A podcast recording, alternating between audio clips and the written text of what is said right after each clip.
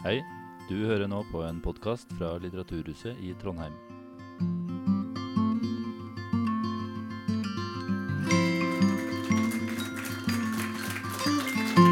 Ja, god kveld og velkommen til denne samtalen, som er i regi av Litteraturhuset, om framtida til Boligstiftelsen i Trondheim. Jeg heter Håvard Finseth. Jeg er politisk journalist i Nidaros. eh, Og er innhenta som en slags ordstyrer i kveld. Eh, Med meg så har jeg daglig leder i Boligstiftelsen, Katrine Standal, og finansdirektør i Trondheim kommune, Olaf Løberg. Og saken er den at regjeringa har gitt eh, midlertidig lov til å avvikle boligstiftelser. Dette er noe som administrasjonen i Trondheim, med Olaf Løberg i spissen, har anbefalt politikerne å slå til på. Det betyr at 875 boliger rundt omkring i Trondheim overføres fra den selvstyrte stiftelsen til kommunen dersom politikerne er enige når saken skal avgjøres i bystyret 31. august. Det vi skal diskutere i dag, er om det er lurt.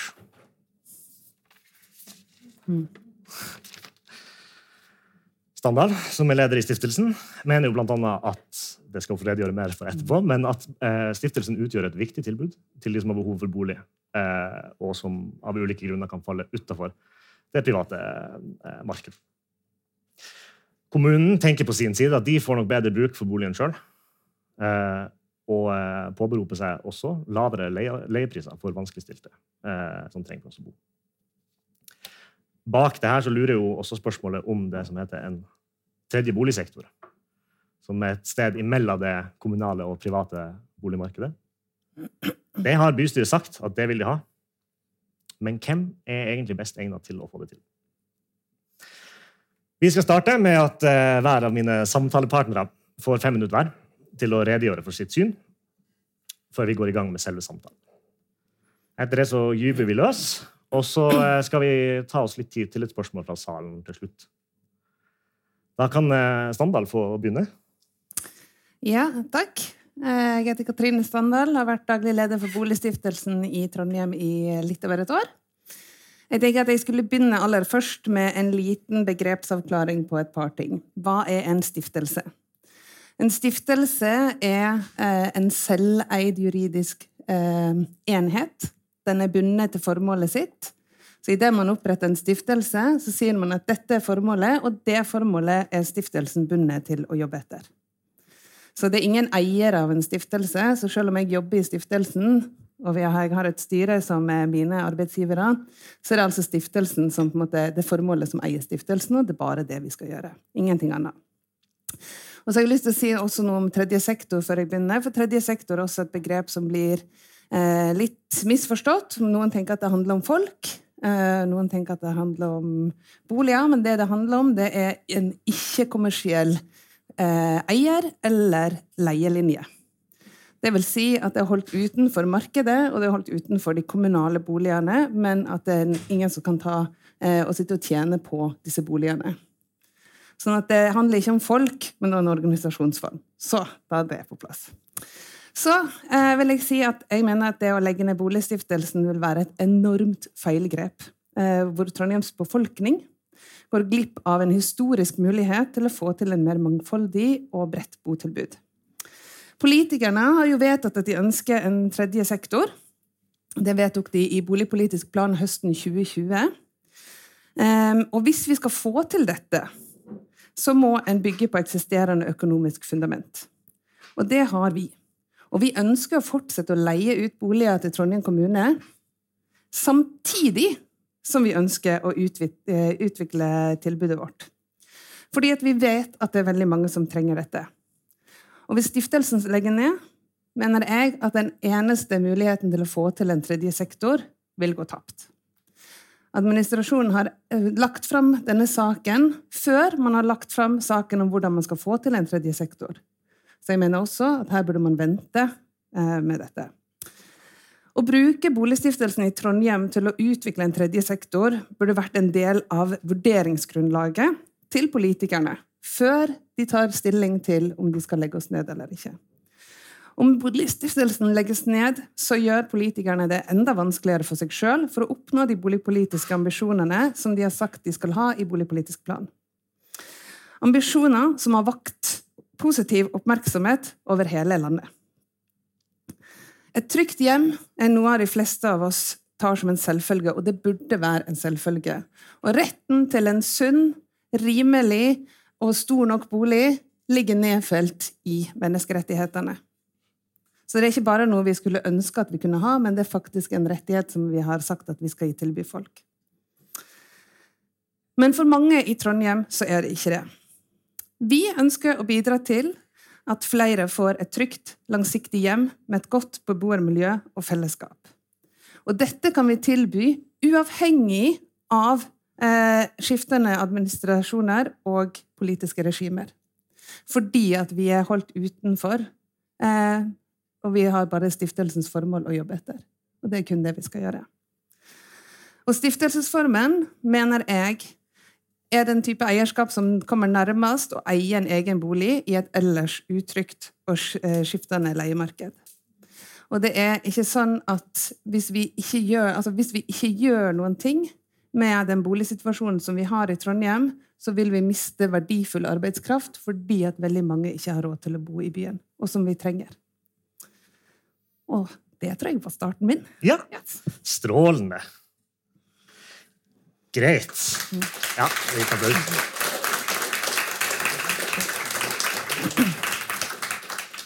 setter vi glatt over til uh, finansdirektør Olaf Løberg, som har sikkert et litt annet syn. Ja, jeg får si som Standard at uh, før jeg begynner, så har jeg få lov å si at jeg er jo finansdirektør i kommunen. Jeg er jo ikke kommunen. Kommunen er jo bystyret, og i første instans ordføreren. Så det jeg representerer i dag, er jo administrasjonen i kommunen, som legger frem en sak til bystyret, som så skal bestemme hva som skjer med boligstiftelsen. Så min, min rolle er verken politiker eller andre ting. Jeg er kun, ja, Vi kommer litt tilbake til det også. Ja, den er god. Ja, denne saken det handler jo ikke om man er for eller imot en tredje boligsektor. Jeg vil tro de fleste er for at det etableres en boligsektor som drives uten profitt. Det denne saken handler om, er jo om Trondheim kommune skal påta seg de store økonomiske forpliktelsene som eh, medfører, eller som kommer ved at man skal etablere en tredje boligsektor eller om kommunen skal benytte seg av Stortingets vedtak om at kommuner som har oppretta boligstiftelser, også kan oppheve dem. Boligstiftelsen ble stifta i bystyret i Trondheim i 1972, altså litt over 50 år siden. Den ble etablert som en ren finansiell konstruksjon. Eh, årsaken til at kommunen valgte å legge utleieboliger inn i en stiftelse, var for å oppnå lengre avdragstid på lån på eiendommene. Kommuneloven hadde en begrensning på maks avdragstid, og lån i en stiftelse kunne ha lengre avdragstid, og da kunne man få lavere leie til dem som skulle bo i boligene. Og det ville bystyret den gangen. Og det ville veldig mange andre bystyrer også. Mange store byer oppretta boligstiftelser på 70-tallet. I nesten 50 år hadde stiftelsen ingen ansatte.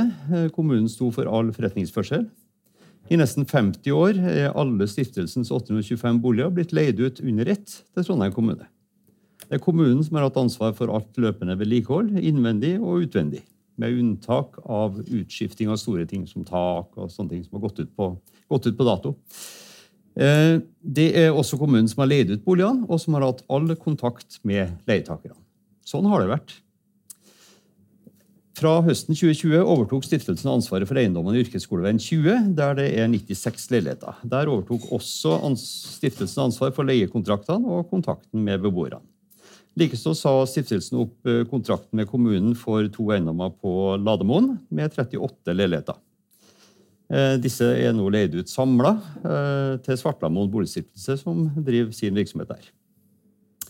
Fortsatt leies 85 av stiftelsens boliger samla ut til Trondheim kommune med samme arbeidsdeling som før. Så hva er det da vi driver og styrer med? Kan ikke bare fortsette sånn. Som Standal sa, det er formålsparagrafen i en stiftelses vedtekter som definerer hva stiftelsen skal drive med. Det er et stiftelsestilsyn i Førde som passer på at stiftelsen gjør det. Og så lenge den gjør det og bevarer sine verdier, så kan den egentlig gjøre hva den vil. Det er ingen som bestemmer over en stiftelse. Sommeren 2019 vedtok styret i stiftelsen nye vedtekter der selve formålsparagrafen, altså kjernen i hva stiftelsen skal drive med, ble endra. Det kan styret gjøre.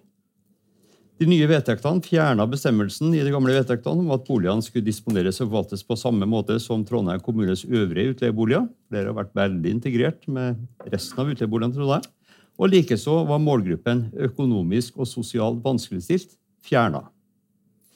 Med de nye vedtektene kunne stiftelsen leie ut boligene direkte til en annen målgruppe enn de som kommunen er forplikta til å skaffe bolig, nemlig vanskeligstilte på boligmarkedet.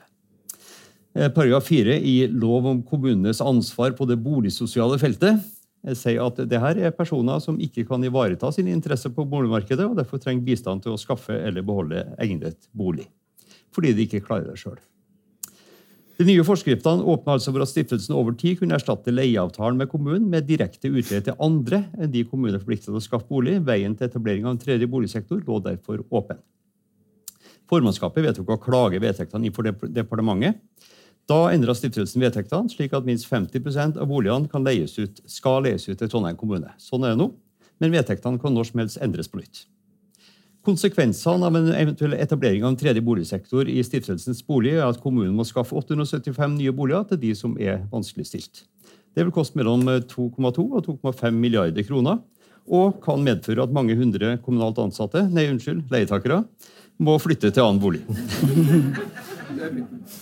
Boligstiftelsens gjeldsfrie bygninger og store bankinnskudd vi snakker om 75 millioner kroner på bok her, er et resultat av nesten 50 år med kommunen som eneste leietaker, kommunen som ansvarlig for drift og vedlikehold, kommunen som fremleier til vanskeligstilte og kommunen som forretningsfører for en stiftelse uten ansatte.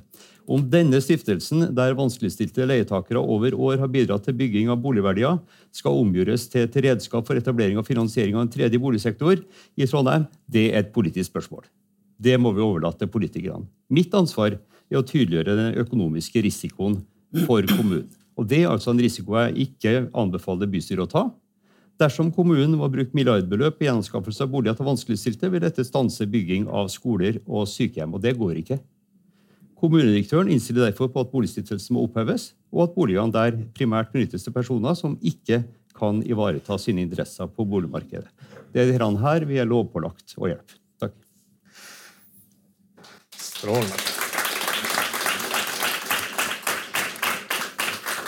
Greit. Før vi uh, dykker ned i, i, materien, og den er det en del av, så uh, uh, skal vi ta en, en, liten runde på en, en liten snakk som har gått i, i, forkant, som handler om din rolle i, i den debatten her, og din deltakelse i den debatten her. Rimelig snart etter at denne samtalen ble på en måte lansert, så kom det jo inn litt spørsmål om at hvorfor en fagdirektør i kommunen i det hele tatt deltar på det her. Du pådro deg også en et lengre passiar i formannskap i dag eh, om din rolle. Kan du redegjøre kort for hvorfor du som byråkrat, altså finansdirektør, eh, kan stille i en såpass politisk skal vi si betent, men i alle fall en debatt som har såpass klare skille, politiske skillelinjer? Mm. For det første så ble han bedt om å komme hit. Mm. Det hører med til historien. Jeg ble oppringt og bedt om å, komme hit. Og jeg var ganske nøye da på å forsikre meg om at eh, det var ikke en politiker som satt på andre sida. Men at eh, når jeg har hørt at det var Katrine, som eh, er heller ikke er politiker, så tenker jeg at det var ikke så problematisk. Utgangspunktet er jo Grunnloven, som sier at det er ytringsfrihet i riket. Det står ingenting unntatt for finansdirektører. Eh, så, så, det er ytringsfrihet. Og så sier jo kommuneloven at eh, kommunedirektøren, eller, eller, den som er i hans sted, da, er jo i hans sted, skal sørge for at saker blir tilstrekkelig opplyst før bystyret fatter vedtak. Og eh, når vi skriver et saksfremlegg, for det er jo det vi gjør, skriver et skriftlig fremlegg, så starter jo en debatt, og av og til kommer det frem opplysninger i den debatten eh, som eh, vi som har skrevet sakframlegget oppfatter er feil, Eh, eller eh, tatt ut av sin sammenheng, eller sånne ting. Og da eh, tenker jeg at det er veldig viktig at før bystyret fatter sin vedtak, så har man hatt mulighet til å, å korrigere sånn at det blir mest mulig riktig. Mm. Og det er jo riktig som du sa, at i dag var det jo en, en debatt i formannskapet i Trondheim. Det var jo, det var jo eh, reist spørsmål om eh, er nå det her greit da, i en valgkampperiode at det dukker opp en finansdirektør i en sånn debatt. Eh, og flertallet i formannskapet sa det, det er greit, og det er til og med ønsket. Eh, og det er jo fordi at demokratiet kan tjene på det. Det kan være bra for demokratiet at det kommer frem ulike meninger. Og så går grensa for meg. Går, jeg går aldri i debatt med politikere. Eh, vi har et representativt demokrati, og det er dem som skal diskutere, det er dem som skal debattere, og det er dem som skal beslutte. Der eh, må vi byråkrater trå tilbake. Den er god. All right. Der jeg har lyst til å starte, og nå skal vi inn i materien. Jeg har eh, varsla på forhånd at hvis det kommer noen fremmedord, så skal jeg plinge litt her og få dere til å forklare det. hvis dere ikke gjør det på, på For vi skal prøve å holde det så forståelig som mulig. Men jeg har lyst til å starte med noe som dere begge var litt inne på i deres eh, eh, åpningsinnlegg. Og det er på en måte den eh, formen som en stiftelse har, som du mener er meget godt egna eh, til å f.eks. utvikle en tredje boligsektor, mm. som du mener eh, ikke er like godt egna til samme. Mm.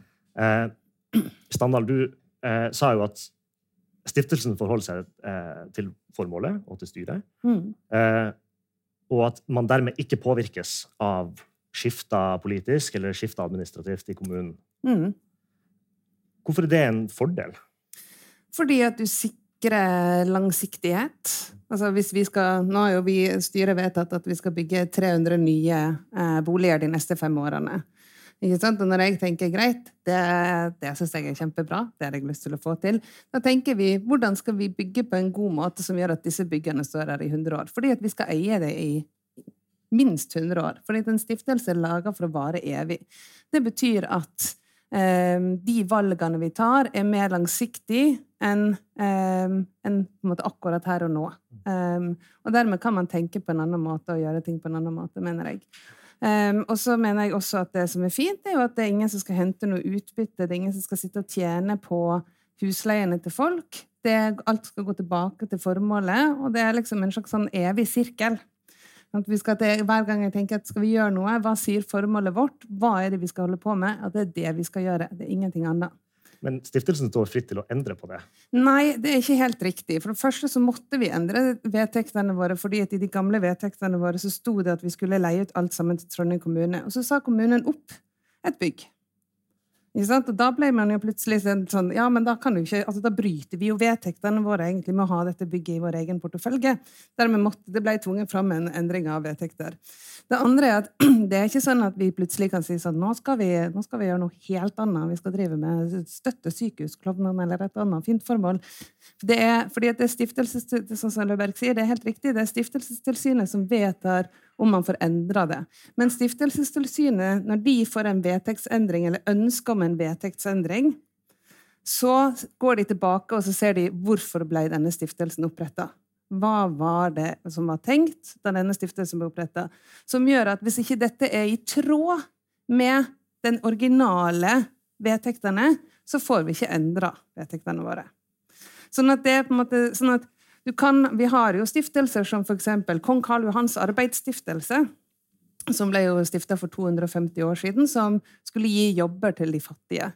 Vi trenger ikke å lage, ha en stiftelse som gir jobber til de som er absolutt mest vanskelig stilt, for vi har jo en velferdsstat.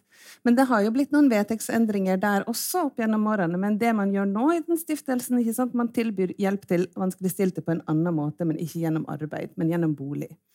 Sånn at det er hele tiden, Man går alltid tilbake, og det gjør Stiftelsestilsynet. Tilbake til formålet. Hvorfor ble det oppretta? Hva sa vedtektene da? Er denne her endringen i tråd med det opprinnelige formålet? Så det er ikke helt riktig at vi står helt fritt til å gjøre akkurat hva vi vil. Skjønner. Løberg. Eh,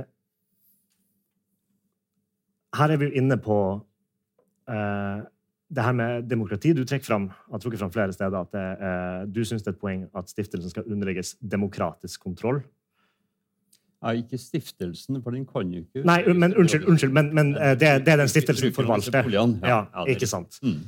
Ikke sant. Men nå hører du jo på Standal eh, snakke om alle fordelene med å ha det her som en, som en mm. stiftelse. Er du enig i det?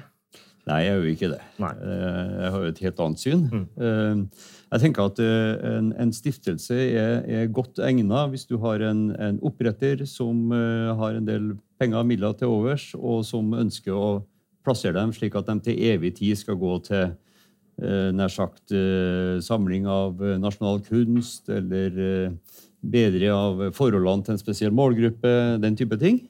Eh, da har du en, en ganske velegnet sak. for Vi dør nå alle sammen, og da lever stiftelsen etter døden og kan vare til evig tid. Så å si.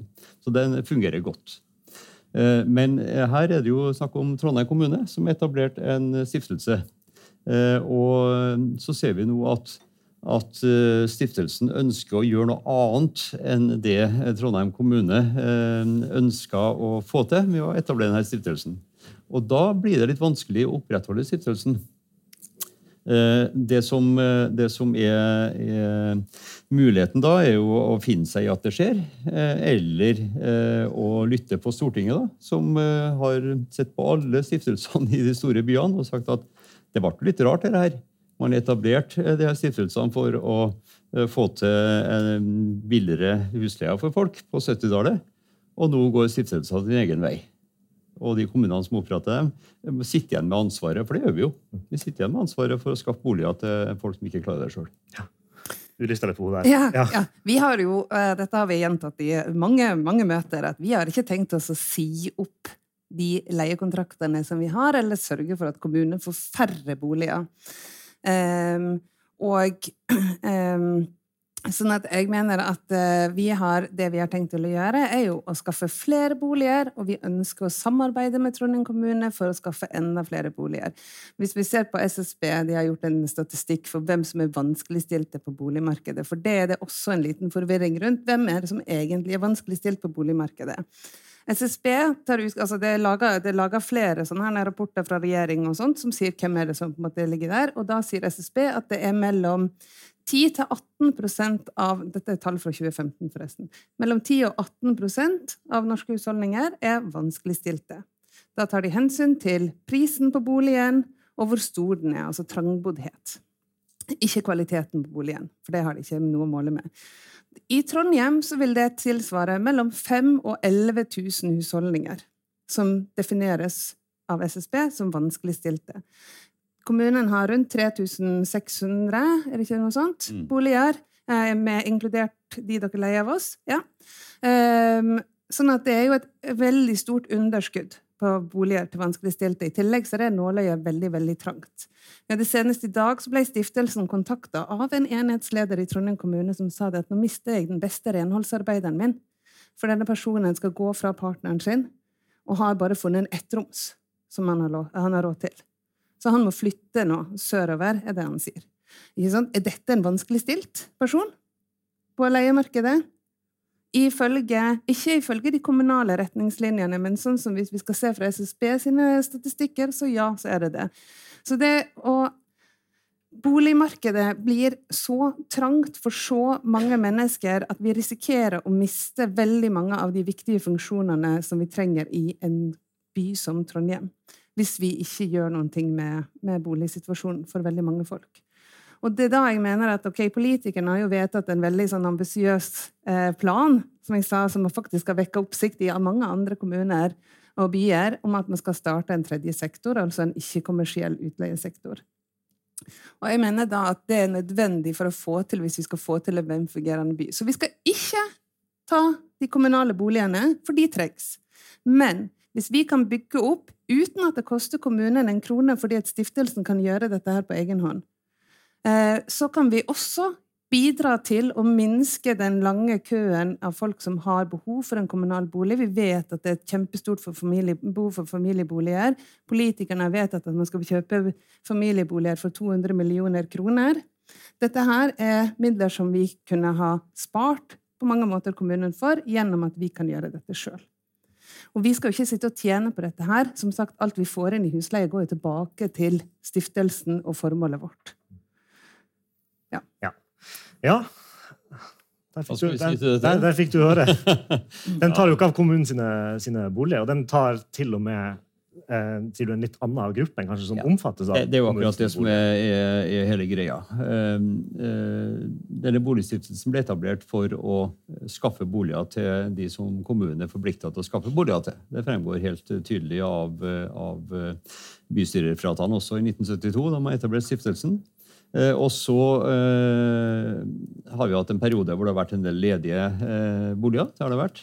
Og da er tanken ganske besnærende at dem kan vi jo leve ut til andre, som også eh, gjerne skulle hatt, eh, hatt eh, billigere leiligheter. Jeg er helt enig med, med Standal. Det er mange som sliter med å skaffe seg egnet bolig.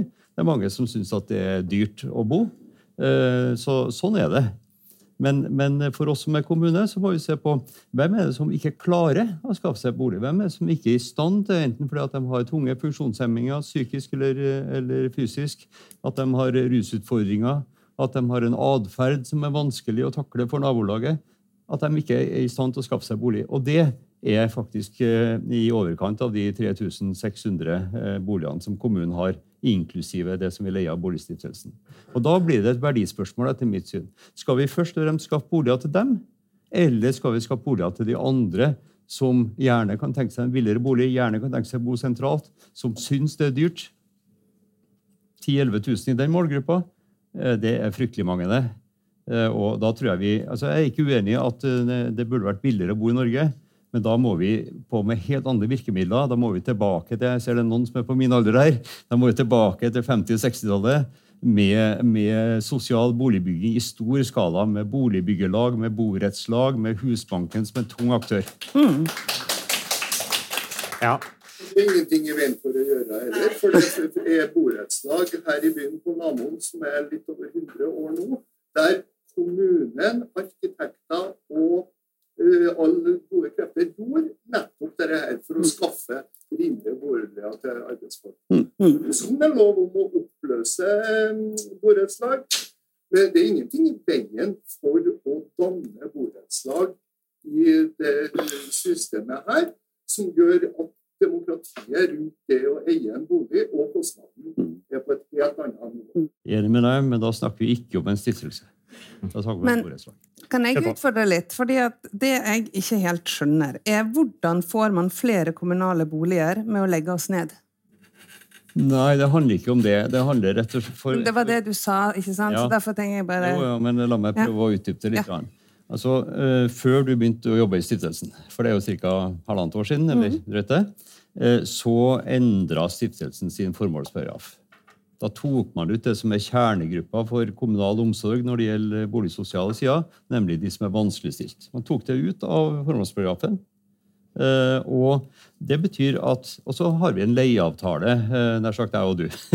Eller kommunen og Boligstiftelsen. Eh, den, er, er det, den var en tiårs avtale. Den er det 8,5 år igjen av. Men der er det altså 18 måneders oppsigelse av enkelteiendommer. Så det betyr at eh, Boligstiftelsen, for å etablere en tredje boligsektor, suksessivt kan si opp eh, eiendommer med kommunen inntil man når den grensa på 50% Det er 300 leiligheter det, som kan sies opp, og som vi må gjenanskaffe. Og så kan det skje at eh, man får godkjent det som stiftelsesstyret faktisk godkjent av vedtekter av stiftelsen, nemlig ingen binding til Trondheim kommune. De godkjente det i Førde. Så hvis de sender inn forslaget på nytt, så kan det blir godkjent på nytt. Og da kan Boligstiftelsen si opp de resterende leilighetene også. Og da står vi i den situasjonen. og det er derfor jeg sier da må vi kjøpe igjen disse her leilighetene. Og Samtidig som vi skal prøve å investere i skoler, og sykehjem osv. Det det, det regnestykket som ikke går opp for meg, som er, er finansdirektør, om å prøve å passe på balansen i pengene. Eh, hvor mye koster? Ja, det, er, 3240 kroner i snitt per leilighet. ja, det er vanskelig å, å se på et sånt tall. da. Nei, det, ja, det, men det, det tallet er vi, der. kom, vi kommer til en runde på leie, leie, Vi leiepriser. Vi, vi, må- vi ta én ting av, av eh, gangen. Men Det har seg da at folk leier leiligheter av dere som dere leier av boligstiftelse opp mot 11 000 Romsleiligheter. Jeg kan for- forklare det etterpå når vi skal gå inn på det, men det det handler om, er i hvert fall at Ja, ja, ja. ja, ja. ja, ja. Jeg kan i hvert fall si kommunen tjener ikke en krone på utleie av leiligheter. Det er helt sikkert. Nei, for det går 60 av det går i vedlikeholdskostnader. Så at dere gir bort folk fra leilighetene etter tre år, det er mulig. Nei, det tror jeg blir Her hører jeg at vi har et knallgodt spørsmål til spørsmålsrunden etterpå. Og du har, du har flere, ja. Det er godt, det er godt å høre. Ja. Eh, Kan jeg få si, bare for, for å si det var- ja. Det som jeg syns er litt utfordrende i denne debatten, er jo at det blir lagt Altså at man ikke tar utgangspunkt i hva sier vi som stiftelse at vi skal gjøre? Hva er det vi faktisk gjør? Men en veldig sånn teoretisk tenkt fremtidsvirkelighet som jeg tenker at det er ikke noe altså Jeg har i hvert fall tenkt å ha denne jobben i ti år. Da skal vi forhandle nye kontrakter. Ikke sant? Og da kan jeg jo si at vi skal forhandle ny kontrakt med akkurat det samme hvis vi bygger ut 300 flere boliger. For eksempel, som vi har tenkt å gjøre de neste fem årene, som ligger i strategien vår at vi skal prøve å få til, så er det jo fremdeles mange boliger, og vi ønsker å leie ut til kommunen. Det ligger både i våre vedtekter, det er en lang historie på det. Det er, og jeg mener at, eh, at eh, det blir litt uryddig å på en måte tenke ut noen kanskje sånn tenkte scenarioer og bruke det litt som om det er det som er realiteten per i dag. Kan jeg kommentere det? Det kan du gjøre. Ja, ja eh, jeg er enig i at det, det høres litt sånn konspiratorisk ut. Ja. ikke sant? Mm. Eh, Men, men eh, det er jo ikke det. Det er rett og slett å gå tilbake eh, tre år og se på hva er historien. Og historien var at Boligstiftelsen ønska vedtekter som kobla vanskeligstilte ut av Boligstiftelsen som målgruppe. Og de ønska vedtekter hvor det ikke var noen forpliktelse til å leie ut til Trondheim kommune. i det hele tatt. Og de fikk det godkjent. De Men- fikk det godkjent i Førde. Så dette er ikke konspirasjonsteorier, det er rett og slett historieskriving. Ok, men Da vil jeg gjerne si to ting. Man ønsker, Nå var dette riktignok litt før min tid, men sånn jeg, når jeg snakker om det, så man ønsker å ta ut ordet 'vanskeligstilt'. Fordi at vi opplever at det er et stigma rundt det ordet, å være vanskeligstilt. Hva gjør det med mennesker ikke sant, når du blir fortalt at du er vanskeligstilt? Hva gjør det med måte, følelsen av hvem man er og sin egen verdi? Og dermed, hvis man, man skulle leie ut til folk som var økonomisk og sosialt hadde utfordringer på, på boligmarkedet, men ikke nødvendigvis ordet vanskeligstilt. Så det kom jo inn også fordi at denne loven har kommet, og da ligger det i det ene av to, to ting som oppfylles. Det at denne stiftelsen må være for vanskeligstilte. Så, um, så det, og det andre det var nødvendig som jeg sa, eh, det var nødvendig å endre vedtektene når kommunen sa opp leiekontrakten oppe i yrkesskoleveien.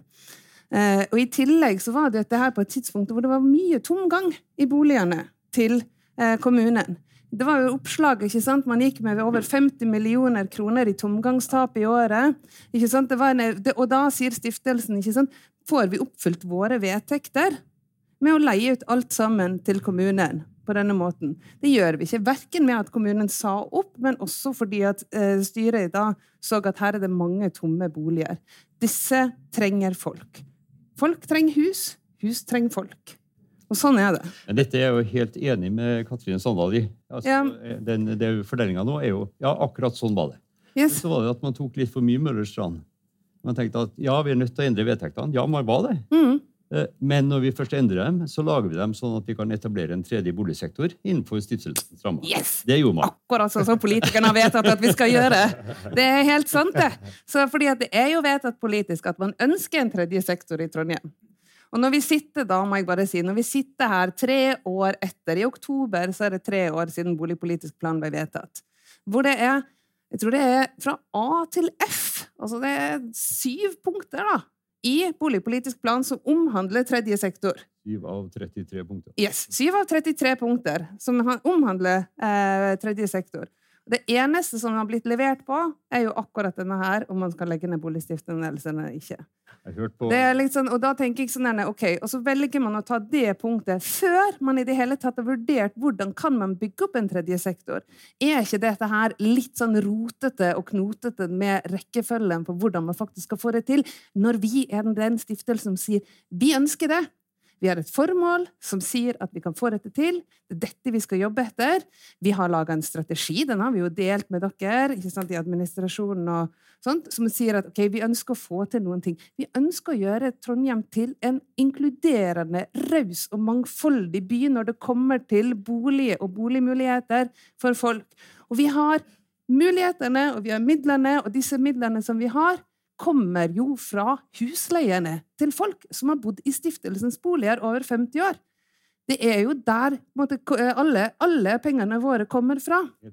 Ikke sant? Og da mener jeg at da må vi bruke de pengene til å videreutvikle og sørge for at vi får en enda bedre eh, inkluderende by, som, hvor faktisk eh, renholdsarbeiderne som jobber i Trondheim kommune, kan også bo. Men det er jo Du, det du, skal, du skal få svare. Ja, Jeg har bare lyst til å, jeg har bare lyst til å klargjøre én ting.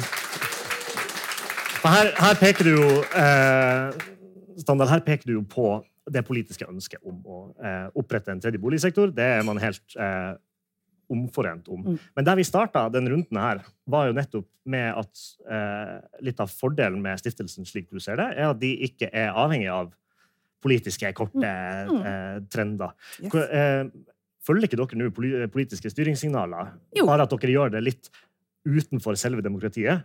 Ja, eller, men vi ønsker jo å bidra til å gjøre Trondheim til en bedre by. Og vi tror jo at ok, hvis vi skal få til en tredje sektor i Trondheim altså Nå har jeg jobba med stiftelser og tredje sektor i årevis. Jeg og jeg blir kjempeglad hvis det finnes flere muligheter og krefter til å få til en tredje sektor i Trondheim. Det hadde vært kjempebra, og jeg tror at det kan være andre som på en måte kan bidra inn i dette her. Og Bopilot, som jo var et forskningsprosjekt som gikk over tre år og stått litt om i avisa, eh, som, som prøvde å finne ut hvordan skal vi få til flere boliger, rimelige boliger i byen. De sier stiftelser er svaret. Så dette her er jo både at vi, sånn, ja, vi er lydhøre til de politiske signalene som kommer fordi at vi tror at dette her er kjempeviktig. Det faller innenfor eh, vedtektene våre. Og så mener jeg sånn Jeg tenker at ok, vi har vært en, på en måte en slags sovende stiftelse. Det er ikke helt riktig som du sa at det ikke har vært ansatt i stiftelsen, for det har det vært på Aktmesteret annet. Men, men vi har vært en ganske sovende ja. ja. Men vi har vært en ganske sovende stiftelse. Det er helt riktig. Men det er vi ikke lenger. Og det har vi ikke tenkt å være noensinne gang igjen. Fordi at vi ønsker å bidra til å gjøre Trondheim enda bedre. Og fylle opp vedtektene våre. Skjønner. Greit. Rotete og knotete, Løvberg. Ja, altså Det du Katrine, sier, at, at disse verdiene er bygd opp av husleiene til de som kommunen har leid ut det. Det var viktig å si, da. Eh, Ja. Det, det er jo helt riktig. Og det er derfor eh, at, at det, er et, det er et etisk dilemma. Skal man nå overlate disse boligene til noen andre enn den gruppa som har bygd opp disse verdiene? For det er jo det kommunen ønsker. Det er jo å, bruke disse boligene til de som er vanskeligstilt, og de som har bygd disse verdiene i vår periode på 50 år. Så det blir en annen agenda. Det syns jeg man må tenke seg grundig om. Altså, er det rett, det? da? Standard. Ehm, jeg mener at eh, det er på en måte rett. Ikke fordi at man skal ta ut disse verdiene, for verdiene holdes jo hele tiden i stiftelsen. Og du sier at det er kommunen som er leid ut til disse her. Det er helt riktig, men det er jo litt som om jeg skulle ha hatt god formue, og så kommer en av dere til meg og så sier sånn Du, jeg har ikke mulighet til å ta opp lån, eller du kan få veldig gunstig lån. Kan ikke du bygge et hus, og så kan jeg leie av deg? Og så sier jeg ja, det er fint. Jeg har jo liksom, det har jeg mulighet til å gjøre. Og så går det 50 år, og så sier de sånn men du, det er jeg som har betalt ned på det huset, så nå er det egentlig mitt. Er det riktig? Ikke sant? Jo, fordi det er egentlig det man på et vis sier, da. Ikke sant? Fordi det er, det er knytta til stiftelsen. Og det er, når man gjentar, for jeg fare for å gjenta meg sjøl mange ganger, men vi har ikke tenkt å ta ut disse boligene fra de kommunale boligene. Vi har bare tenkt til å utvide dette her. Vi har tenkt å bli et supplement. Vi har tenkt til å hjelpe å få ned de køene med barnefamilier som, trenger, eh, som står i kø for å få kommunal bolig. Og da tenker jeg at hvorfor ser man ikke på stiftelsen som, et, som, som en samarbeidspartner, som noen som vi kan jobbe sammen med? Vi ønsker jo, og det har jo stiftelsen gjort i fem år, bedt om å få tilbakemelding. Hva er behovene til kommunen? Hvordan kan vi bistå? Og når man ikke får noe svar på det, så begynner vi å tenke hvordan skal vi da oppfylle vårt formål?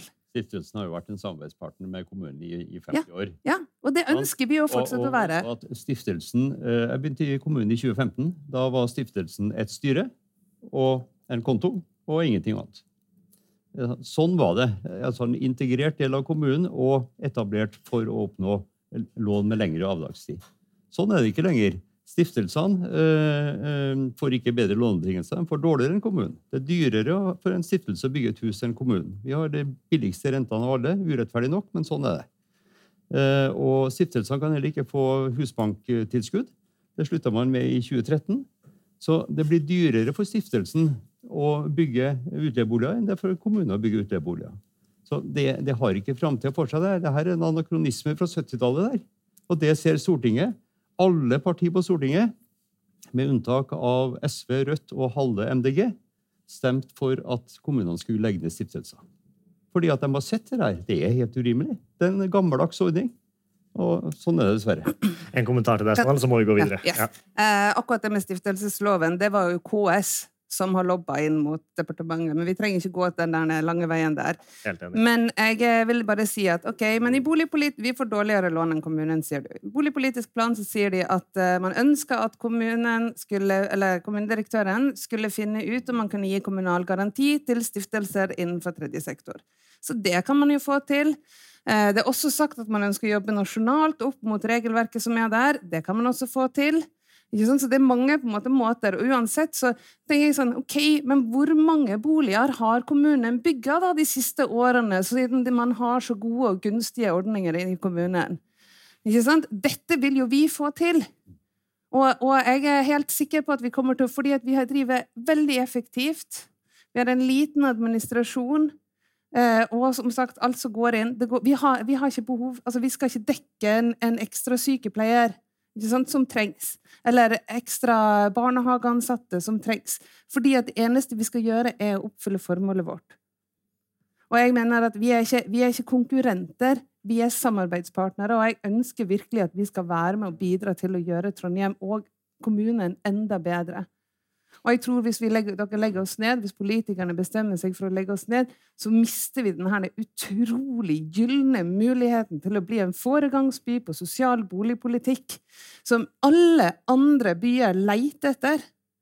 Og hvis man legger ned stiftelsen, så har man ikke den kapitalen som trengs for å få dette her i gang. Og som sagt, vi skal ikke ta de kommunale boligene, men vi skal utvide tilbudet.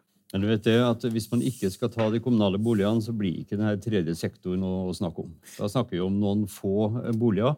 Eh, eh, byrådet i Oslo Jeg vet ikke om dere så debatten på TV i går? Det var interessant. Byrådet i Oslo hadde som ambisjon å etablere en tredje boligsektor med flere tusen boliger. Nå hadde de i valgkampen kunne presentere 17 leiligheter som skulle legges ut til redusert pris. Og det var ikke engang sikkert at de ble lagt ut. Så det her er veldig komplisert. Det er derfor jeg sier se tilbake på, på boligsamvirket. Kanskje ligger det en løsning der. Tredje boligsektor, det skal vi komme tilbake til. Men Ja, kan jeg bare svare på akkurat det med Oslo? kort. Ja, men det er jo fordi de ikke har de midlene som Trondheim har gjennom Boligstiftelsen i Trondheim. Hvordan starter man på scratch fra å starte en tredje sektor? Det er det man ikke får til. Men i Trondheim så har man muligheten fordi at vi har en stor eh, boligstiftelse som vil noe, som har ambisjonene, og som kan få til det. Og som er bygd opp av husleiene fra vanskeligstilte. Yes, Eh, og som vi skal fortsette å bidra til å gi vanskeligstilte boliger. Yes. Greit. Vi kommer til tredje boligsektor. Jeg har lyst til å ta en kjapp sving eh, innom det her med leiepriser. Mm. I saksfremlegget så skriver jo du, eh, eh, Løberg, antar det er du, det er du som har signaturen i hvert fall, Ja, ja. At eh, sitat, ved en eventuell oppløsning av stiftelsen er det grunn til å anta at de samlede årlige kostnader for boliger blir lavere enn kostnaden, eh, kostnadene som i dag betales til boligstiftelsen. Hvilken grunn har du til å anta det? Det, det er noen grunnleggende ting. Altså, Trondheim kommune, Bystyret i Trondheim har vedtatt at alle som leier av Trondheim kommune, altså som er vurdert som vanskeligstilte på boligmarkedet, de skal betale en kostnadsdekkende husleie. Det skal ikke være noe profitt. Og øh, det sitter jo en kar borti der jeg, som redegjør hvert år for alle kostnader som, som påkommer denne sektoren, og som regner ut hva er non-profit, selvkost, husleie. Og da er spørsmålet, Kan en boligstiftelse eh, komme lavere enn det? Og på yrkesskoleveien så har man gjort det. Man har satt ned prisen. Eh, Men det er jo ikke bærekraftig. Det er jo ikke bærekraftig. Må huske på at, at eh, boligene i, i yrkesskoleveien de er gjeldfrie. De er nedskrevet.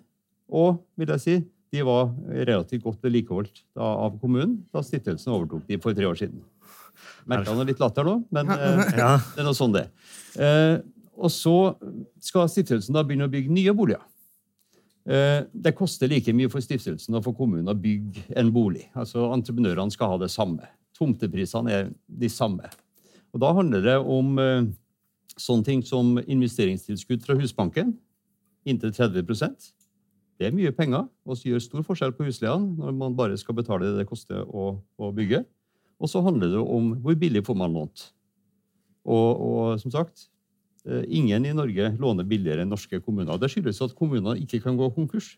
Det er ikke mulig for en kommune å gå konkurs, og derfor er bankene ivrige på å låne ut det til, til kommuner. Så summen av det der, og så, så er det spørsmålet eh, eh, Jeg tror at det er noe, da, noe positivt og noe bra i eh, det arbeidet som stiftelsen gjør, f.eks. på yrkesskoleveien, ved at man mobiliserer eh, beboere. Hvis beboere kan gjøre en vesentlig del av den jobben som våre driftere gjør, altså vi har 22 driftere, vaktmestere, som reiser rundt i og, og ettergår alle boliger og, og, sjekker hva som må fikses på, og fikse en del sjøl og sånne ting. Hvis man kan få beboere til å gjøre det, ja, så kan man spare penger. Det er jeg enig i. Men det kan man også gjøre eh, hvis kommunen er i de samme området, områdene. Der tror jeg vi har noe å lære av stiftelsene. Og så tror jeg at stiftelsene har en del å lære av våre driftere. For det er ikke folk som eh, er nær sagt uten hjerte og, og sånn deler. Det er ja, jeg brukte to timer i går bort på Østersundsgata for å, å snakke med fem-seks av, av drifterne om hvordan er hverdagen deres. Og de treffer jo rusmisbrukere, de treffer uh, fattige, uh, innvandrere. Mange som har sagt, behov for og hjelp til å, å bo på en, en, fornuftig måte. De arrangerer juletrefest. Det gjorde de borte på, bort på Lamoen. De arrangerer grillfester for nabolaget. Ber unger som bor i kommunale boliger, om å ta med seg vennene sine fra skolen. Altså det, det, er et vrengebilde at stiftelsen gjør alt bra, og at kommunen ikke gjør ikke en dritt. Ja, sånn er det ikke. Det var vel en beboer i kommunalboliger som sa det. Ikke stiftelsen. Vi ønsker Vi, jeg, ikke snakket, nei, nei, vi snakker ikke ned kommunen. Vi er en samarbeidspartner med kommunen. Og at, har, at, noen opplever at stiftelsen er en konkurrent til kommunen, det er ikke så veldig mye jeg kan gjøre veldig mye med hvis man mener det, men det mener i hvert fall ikke vi at vi skal være. Vi ønsker å samarbeide. Um, og så sier du at det skal bli rimeligere, eller det i saksframlegget som står, er at det skal bli rimeligere husleier for beboerne, fordi at man skal spare de 25 millionene, eh, eller 3240 kroner per leilighet, i året. Men da tenker jeg at da skal man ikke drive noe med vedlikehold. fordi at i den nye kontrakten som vi har, for det har vært skrevet mye om at det er blitt så mye dyrere å leie av stiftelsen, og det er mange grunner til det, både stiftelsesloven og forsvarlig kapitalforvaltning og sånne ting som ligger i lovverket som vi må forholde oss til. Men det andre er, som ikke kommer fram i saksframlegget, og som jeg tenker er i hvert fall også en svakhet med det, det er at man sier ikke at i den nye kontrakten så er det vi som har ansvaret for alle utskiftninger. Så i år så har jeg fått et estimat på 19,5 million kroner som behøves for å bytte ut ting. Neste år har jeg fått et muntlig estimat på 30 millioner kroner. Sånn at det på en måte det, det ligger en del summer her. Sånn at, og det, skulle jeg også, der jeg også etterlyst. Hvordan skal man få ned disse summene? Fordi at også bedt om hvordan er det kommunen jobber da sjøl for å få ned de kostnadene som er i de kommunale boligene. For det er helt riktig, de er høye, og det er høye leiepriser, og folk sliter skikkelig. Nå er det 14% flere i husholdninger i år som har måttet bedt om sosialhjelp. Matsentralene i Trondheim har økt med 31% og sier at de har behov for ytterligere 50% Det er en dyr tid. Vi har, det er mange mange, mange som sliter. og Da mener jeg vi må selvfølgelig ha kommunale boliger. og Selvfølgelig skal vi på en måte jobbe med det. Men vi trenger også, det er også en veldig stor gruppe som faller utenfor. Og hvordan skal vi ta og favne disse her? Og det er det som måte stiftelsen ønsker å bidra inn til Trondheim med å gjøre. At eh, vil du da si at det å ha leieprisen så lav som overhodet mulig eh, er ikke på en måte primærmålet? Eller forstår jeg det riktig, da? Jo, altså primærmålet er at vi ikke skal gå med eh, Altså at vi skal ikke ta noe utbytte. Har, altså, en stiftelse har jo ikke altså, Hva skal vi gjøre? Skal vi sette penger på bok? Det er jo helt uinteressant. Vi skal jo mm. gjøre formålet vårt. Og hvis ikke vi oppfyller formålet vårt Dere har vel 75 millioner på bok i dag? Ja, vi har penger på bok fordi at vi skal bruke dette her til å bygge. Og når du sier at vi må kjøpe tomter Ja, men vi har noen tomter. Vi driver og lager mulighetsstudier på flere av tomtene våre for å se på fortetting på tomta, allerede med å la de eksisterende boligene stå der. Og noen steder så vet vi at disse byggene er egentlig i så dårlig stand og med så lav fortetting at vi burde rive dem. Men vi har ikke tenkt å ta færre, eller ta boligene ut fra kommunen. Det vi ønsker, er jo bare å bygge enda bedre og bygge i fellesskap. Ok, Jeg har en mistanke om at eh, vi kommer tilbake til litt om leiepriser i spørsmålsrunden. Eh, det siste vi skal innom i løpet av denne samtalen før vi går løs på spørsmålsrunden, er det her med tredje boligsektor, som har ligget og lurt litt i bakgrunnen. Og der er det jo sånn at eh, De aller fleste vil ha en tredje boligsektor. Bystyret er klar på det. Eh, men så er jo spørsmålet hvem som er best egna. Eh, og da skal vi rett og slett ha en liten eh, anbudsrunde på det. Hvor eh, dere kan få argumentere. Og der tenker jeg at eh, Løberg, du kan få lov til å starte. Hvorfor eh, hvis vi legger til grunn at det er ønskelig med en tredje boligsektor, Mm. hvorfor er det riktig at kommunen skal gjøre det, og ikke stiftelsen, som har er, på en måte er i gang allerede? da? Jeg er ikke meg helt enig i premisset med spørsmålet. Da, for vi, vi har jo valgt et bystyre. Dere har valgt et bystyre. Mm. De sitter her og bestemmer på vegne av oss. da, ikke sant? Mm. Og de sitter jo og prioriterer. vet du. De sitter og prioriterer mellom skal vi bruke penger på eldreomsorg, skal vi bruke det på barnehager, skal vi bruke det på asfaltering, skal vi bruke det på altså Det er veldig mange formål. Også på kultur, på idrett, mange ting. Og da blir spørsmålet skal vi bruke det på å etablere en tredje boligsektor. Det blir en del av det totale bildet. Da kan det være veldig sånn besnærende tenker jeg, å tenke at ja, men vi har jo allerede en stiftelse, kan vi ikke bare knipse litt, og så er, har vi en tredje boligsektor? Og da glemmer man fort uh, at, eh, at uh, da uh, har vi plutselig ikke 875 boliger til eh, Unnskyld, 825 boliger til de som kommunen må skaffe bolig til. Så jeg, jeg tror ikke at kommunen nødvendigvis er så godt egna. Det er derfor jeg peker på boligsamvirket. Det er derfor jeg peker på at altså, vi har fortsatt en borettslagslov i Norge. Vi har en, en lov om boligbyggelag også. Er dere 15 stykker, kan dere starte et boligbyggelag. Er dere to, kan dere starte et borettslag.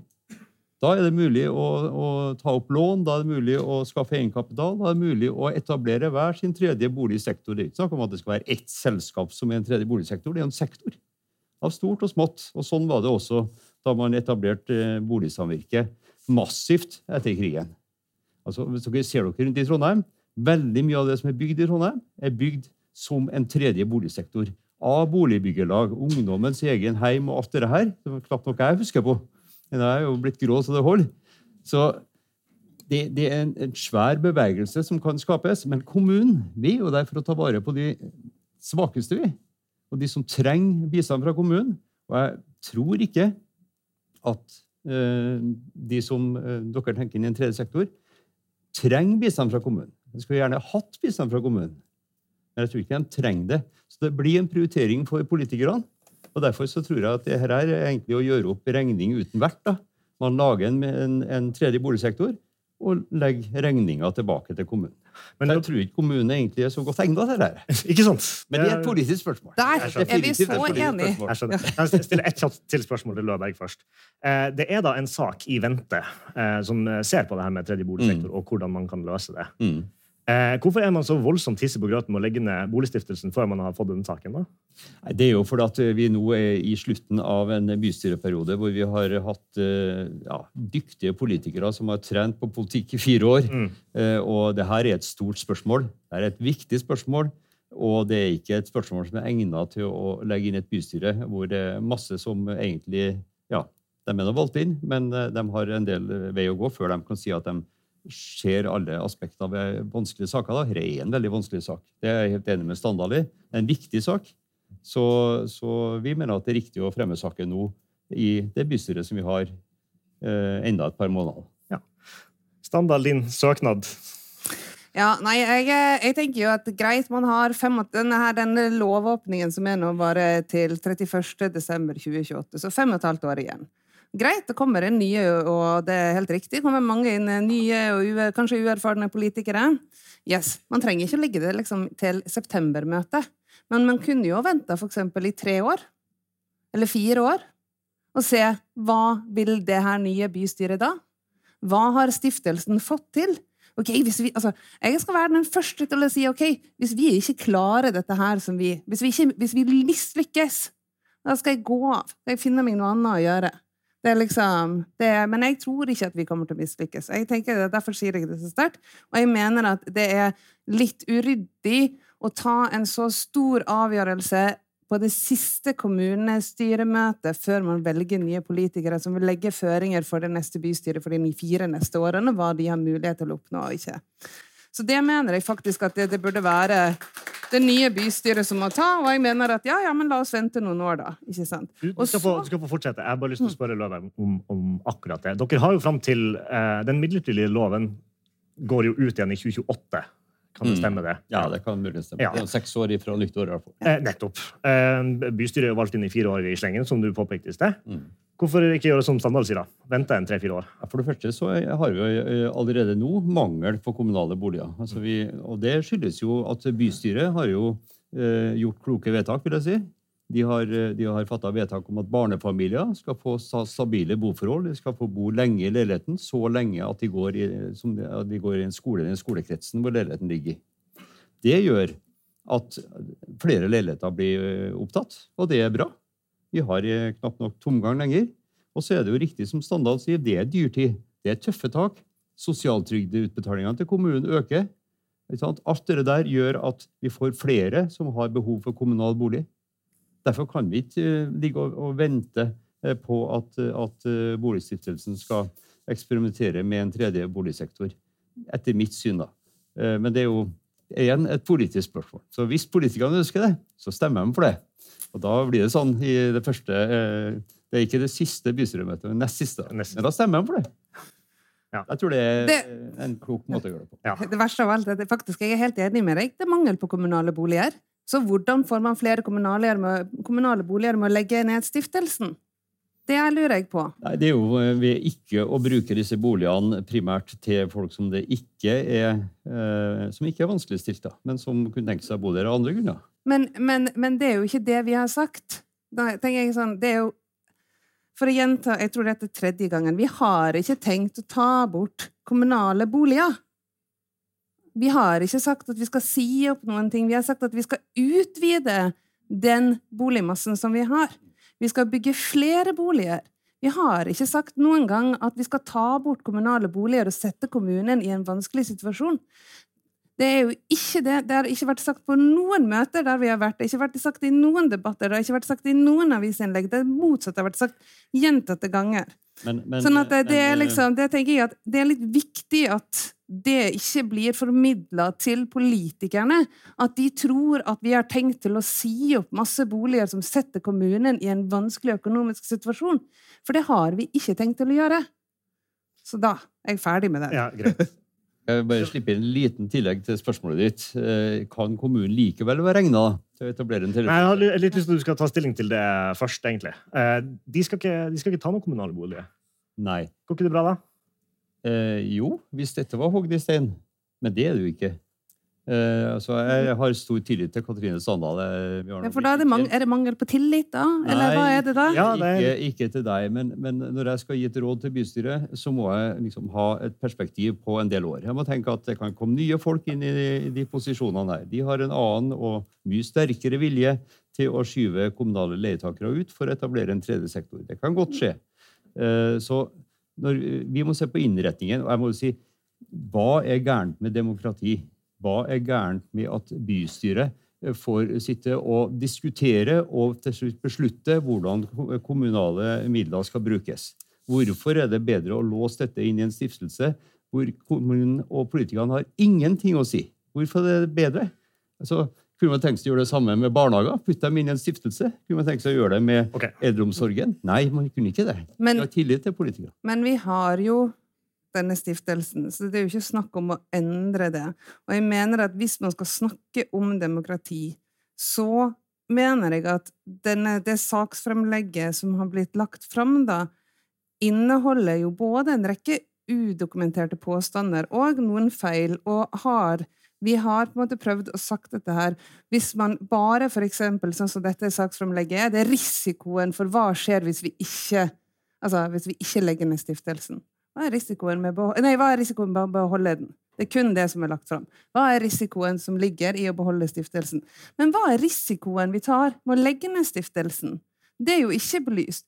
Jeg har politikerne da egentlig det demokratiske grunnlaget, det gode grunnlaget for å kunne ta en god avgjørelse hvis man ikke belyser saken fra begge sider? Hvis man ikke også sier at hva, hva mister vi hvis vi gjør dette her, og hva mister vi hvis vi gjør dette her? For begge deler burde jo komme fram i et saksfremlegg. Jeg tror kanskje du mister politikerne litt, da. Eh, saken har jo vært Nei, jeg, jeg sier det på saksframlegget. Jo, jo, Ja. det, det forstår jeg. Men, men henne, av og til så er politikerne klokere enn saksframlegget også. Og, og... Er saksframlegget uklokt? Nei, det har jeg ikke sagt. Nei da, men, men det er grunnen til at vi har et demokrati. da.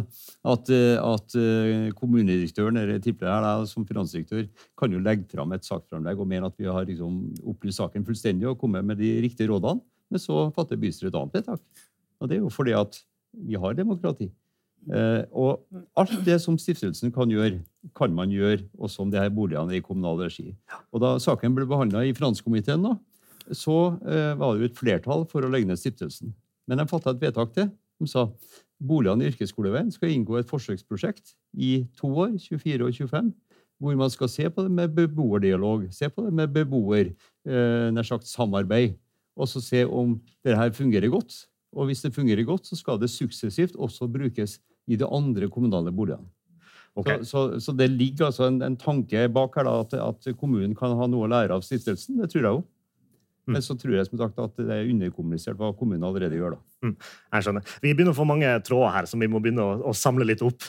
Eh, Jeg hadde lyst til å også utfordre deg på det. Vi har vært litt innom det. Men eh, eh, for å sitere fritt fra Løberg, hva er det som er galt med, med demokratiet? Dere, dere tar jo imot politiske Jeg, jeg skal nyansere det. Dere tar jo imot eh, politiske styringssignaler. Mm. I alle fall når det er i tråd med deres vedtekter. Ja, vi kan jo ikke gjøre noe som ikke er i tråd med vedtektene våre. Nettopp. Det er jo et brudd på Men dere har, dere har et styre som er, som er oppnevnt av kommunedirektøren. Yes. Rett i det? Det stemmer. Ja. Eh, så det er ikke underlagt noen Det, det er jo en anakronisme. Altså, Stiftelsesloven legger jo vekt på at det skal være avstand, lang avstand mellom den som har oppretta en stiftelse, og den som styrer den. Mm. Så hvis eh, Katrine og hennes styre går til Førde og sier at vi kan ikke ha kommunedirektøren til å oppnevne styret vårt, så vil man applaudere det. Jeg er enig i det. Det bør ikke være kommunedirektøren som oppnevner styret i en stiftelse. En stiftelse er helt selvstendig, unntatt politisk kontroll, og driver for seg sjøl. Sånn er det. Er du villig til å gjøre noe med det, Standard? Altså, det, det er jo ikke opp til meg. Det er jo opp til styret å avgjøre hva man ønsker på en måte å gjøre med det, hvem som skal oppnevne styremedlemmer. Og det er riktig som man sier, idet man, er- i det man tar på seg en hatt fordi du sitter i et styre, så er det den hatten du skal ta på. Ikke sant? Da er du liksom uavhengig. Da kan ikke du, ta, du kan ikke ta andre politiske signaler. Det er riktig, det. Eh, og jeg har full tillit til, til politikerne, men jeg har kun altså, Men da mener jeg at hvis man skal kunne ta et et godt grunnlag. Nå er jeg på en måte en, en akademiker i grunn, så jeg er sånn, at du må legge frem saken hvis du skal drøfte det skikkelig, så må du si både og på den ene siden og på den andre siden. Og hvis du har et, et saksfremlegg som ikke inneholder begge sider av en sak, som er argumenterende og ikke drøftende, så mener jeg at det legger man noen føringer for den politiske beslutningen, som jeg mener kanskje er et enda større demokratisk problem enn at det eksisterer en stiftelse. Ok, Kort, kort Løberg, har du argumentert og ikke drøfta? Nei, det syns, det syns jeg ikke. Det syns jeg absolutt ikke. Men, men det som eh, er åpninga her, sant, er at et nesten samla storting sier at jo, kommunene bør ha anledning til å legge ned disse stiftelsene som Husbanken oppfordrer dem til å etablere på 70-tallet. Sånn var historien. Eh, Og når Stortinget sier det, så blir det eh, nødvendig for oss å si altså, Mente vi at stiftelsen skulle opprettholdes, så trengte vi ikke å skrive noe saksframlegg. Men- Vi må egentlig peke på hva kan være risikoen ved å ha den stiftelsen. Og det, det er nok eh, eh, fokuserer på den risikoen. Er det noen fordeler sånn som du ser det, med å ha det i en stiftelse? Eh, Det er jo at man unndrar det demokratisk kontroll. Så at, Det er At, at det er en fordel, ja? ja, altså, Enkelte vil påstå det. da. Hvis Ja. du får et helt annet bystyre sant, ja, som har en annen boligpolitikk enn dagens, Mm. så vil det at ting ligger i en stiftelse, vil at det ikke kunne påvirkes av det bystyret. Da. Mm. Så det kan være en fordel for den som er opptatt av å opprettholde status quo. Det kan det være. Skjønner. Standard, før vi går over til spørsmålsrunden, så fikk jo ikke du helt anledning til å, til å uh, levere din, din eh, søknad for en tredje uh, boligsektor. Kort og konsist, hvorfor er dere egnet til å gjøre det? Fordi vi ikke skal gjøre noe som helst annet enn akkurat det som formålet vårt sier. Skaffe boliger til folk som er økonomisk og sosialt vanskeligstilte på boligmarkedet. Mm. Det er det vi skal. Enkelt og greit. Og alt vi får inn, går tilbake til det. Yes. All right. Da eh, har jeg en mistanke om at det er litt å ta av på spørsmål. Det håper jeg i hvert fall jeg har rett i, for nå har vi satt av litt tid til det. Så da må dere henge i. Greit. En labb i været. Så jeg her? Ja, da starter vi her. Gjerne presenter deg, og hvis du har noe tilknytning til Ja, jeg heter Jarl Skålvik og er i koordineringsgruppa i Yrkesskoleveien 20. Og jeg har lyst til å stille et spørsmål, for jeg syns du hørtes så vag ut når du skulle svare på det. Hva skjer med beboerne? Dere skulle det virka som dere skulle flytte ut beboere til fordel for mer vanskeligstilte. Eh, ja. Jeg kan, ikke, jeg kan, ikke, si akkurat hva som kommer til å skje, for det er jo eh, opp til politikerne å avgjøre. Men, men, sånn som jeg tolker det politiske flertallet, i hvert fall sånn som det var i komiteen, da, ja. så ønsker man jo å opprettholde status quo, i, altså opprettholde samme situasjon som i dag, i, i yrkesskoleveien. Og det er jo fordi at det er jo en interessant eh, problemstilling det at vanskeligstilte og ikke vanskeligstilte kan eh, være et, et fruktbart nabolag. Eh, og, og, også det med, med, å få til Det var trimgruppe oppå der, og det er mange positive ting. Så kanskje kan det være, bidra til en fornyelse også av, av hvordan man tenker kommunalt. Ja, det var ikke egentlig det jeg spurte om. I og med at vi har Eh, en del folk som holdt på å reetablere seg for å mm. komme tilbake i samfunnet igjen. Det er folk som har vært skilt, det er folk som har flytta inn til oss, som har jobba, men som ikke har mulighet til å kjøpe leilighet på det offisielle markedet, det offentlige markedet. Men at de ligger over normen for Trondheim kommune for å få en leilighet. Mm. Hva med dem? Det er veldig mange av dem. Nei, jeg, som sagt, jeg tror jo at, at uh, det vil være et, en politisk vilje, i hvert fall virker det sånn, på det vedtaket som, uh, som fremmes for bystyret nå. At man ønsker å se den, den konstellasjonen som et, et forsøksprosjekt. Da. Det er det de ber om. Og så må vi huske på det da, at Kommunale boliger er heller ikke sånn at alle bor der til evig tid, og det er bare tungt belasta mennesker. Det er mennesker i alle faser av livet. Og For noen så handler det neste fase om å få et startlån og kjøpe seg en egen bolig. For andre så handler neste eh, sagt, fase i livet om å få seg en jobb. Altså det, det, det, er jo derfor at det er en viss rotasjon i de i kommunale boligene også. For det er mange som ikke har behov for kommunal bolig så veldig lenge, men er i en situasjon, en periode av livet hvor det er helt nødvendig. Og så er det noen som er mm. mm. Skjønner jeg godt det. Og jeg kan ikke gjøre annet enn å formidle det, det politiske forslaget som ligger her, da. Bra. Flere? Så jeg noe baki her. Ja, unnskyld. Det var en her. Ja, det er et spørsmål. Det var en her, ja. Ja. ja. Sone heter jeg. Og jeg jobber som ingeniør i Norconsult med en interesse og utdanning fra NTNU med litt på arkitektur og konseptanalyser. Og eh, det virker jo som at begge aktørene her har gode formål og ønsker at eh, boligene skal gå til mennesker som har behov. Men jeg tenker litt på de eh, millionene dere har å investere. At det er like spennende å snakke om hvem som kan være best til å skape suksessfulle prosjekter fremover. Fordi eh, på NTNU så er det fokus på at du har taktiske vurderinger om tid, kostnad, kvalitet, men så er det også veldig viktige strategiske vurderinger som levedyktighet, relevans eh, og effektivitet. Og jeg mener noen ganger at demokratiet kan være litt overvurdert fordi det er mennesker som er avhengig av popularitet og kanskje litt kortsiktighet. Mens at hvis du har eh, egentlig akademikere fortrinnsvis, men også folk som jobber litt solidarisk, også, men fagfolk som ønsker å ha måte, litt idealistiske visjoner mer, at de kan være bedre på innovasjon og nytenkning. Derfor så tenker jeg jo at en stiftelse som er fagfolk, men, og som på en måte kanskje tiltrekker seg gode og, og dyktige folk, da, um, men likevel ikke med privat, kortsiktige ambisjoner, men mer en sånn litt idealistiske visjoner, at de ville vært gode til å finne eh, kreative og lekne, innovative prosjekter som på en måte eh, skaper godt ut av de millionene. Da. Jeg føler jo egentlig at dere har Dere er begge gode til å drifte. altså Det er veldig bra i Trondheim, på en måte. Mm. Men det er liksom hvem er best med de 75 millioner på bok? Eh, kan jeg få si Ja. Jeg vil si at uh, i Norge så er det knapt nok noe innovasjon i bolig, uh, boligutbygging. Når det kommer til hvordan vi bygger og bor, når det kommer til arealeffektivitet. Hvis vi ser nedover til Danmark eller til andre land, så har de en helt annen måte å tenke rundt hvordan de bygger og bor. Og jeg tror at vi som stiftelse kan være en innovativ eh, pådriver inn, inn i dette her. Og så hadde jeg bare lyst til å si det du sa eh, om startlån og sånt, at det finnes mange gode løsninger. Utfordringen med en del av disse løsningene er at de har fungert veldig godt veldig lenge, men de fungerer ikke like godt lenger. En del av de måtene man skal skaffe folk en bolig på, er ikke like, like treffsikkert. Hvis du hadde et startlån for ti år siden, så ja, så funker det, men gjør det det egentlig i dag? For veldig mange, det gjør ikke det. Dermed må vi leite etter nye løsninger for folk. Vi har faktisk menneskerettighetene som sier hva vi skal gjøre for noe. Jo, vi skal gi folk en sunn, stor nok og rimelig bolig. Og da må vi tenke på andre måter enn kanskje det vi har gjort. Vi skal ikke ta bort eierlinja, den er kjempeflott. Og vi skal ha startlån Her kom det første plinget. Hva er eierlinja? Eierlinja er jo det som har vært den rådende politikken i Norge siden etterkrigstiden. At vi skulle eie. Og veldig mye av det som ble bygga, sånn som du sier, av, av boligbyggerlag og sånt, var jo av, subsidiert av fellesskapet. Og som nå sitter på private hender.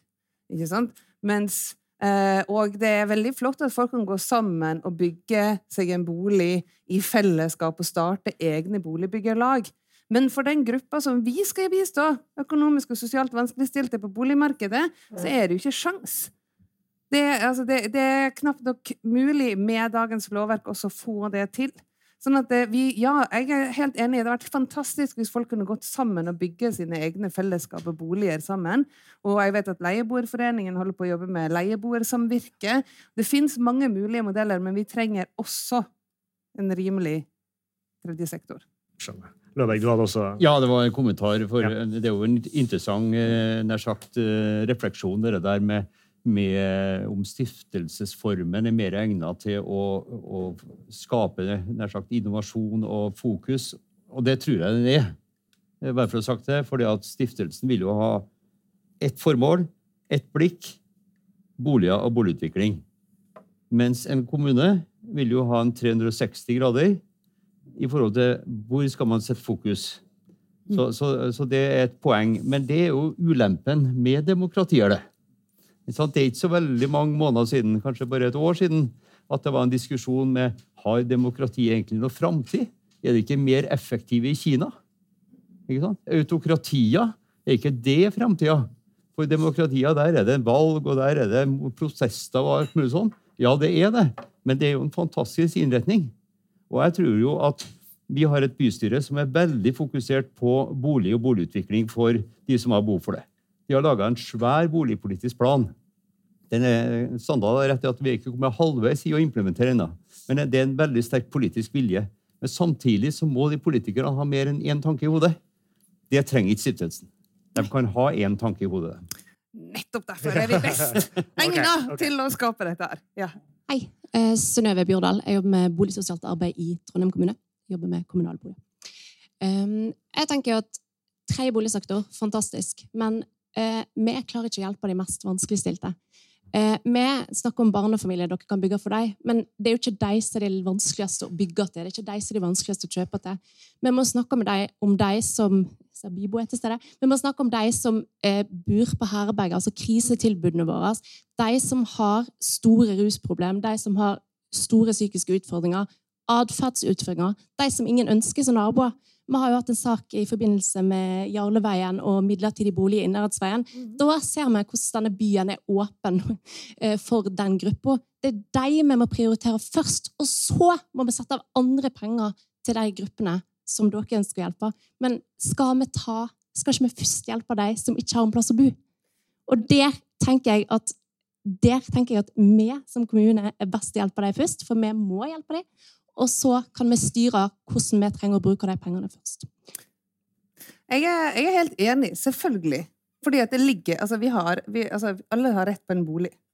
Spørsmålet er jo får man, fle, får man hjulpet flere med å legge ned stiftelsen, eller ikke? Fordi at ja, vi ønsker Vi, vi har jo Vi leier ut 749 boliger til kommunen. Vi har ikke tenkt å ta de fra. Og jeg er helt enig i at det er et kjempeutfordring hvordan på en måte jobber vi for at folk skal ha et godt hjem?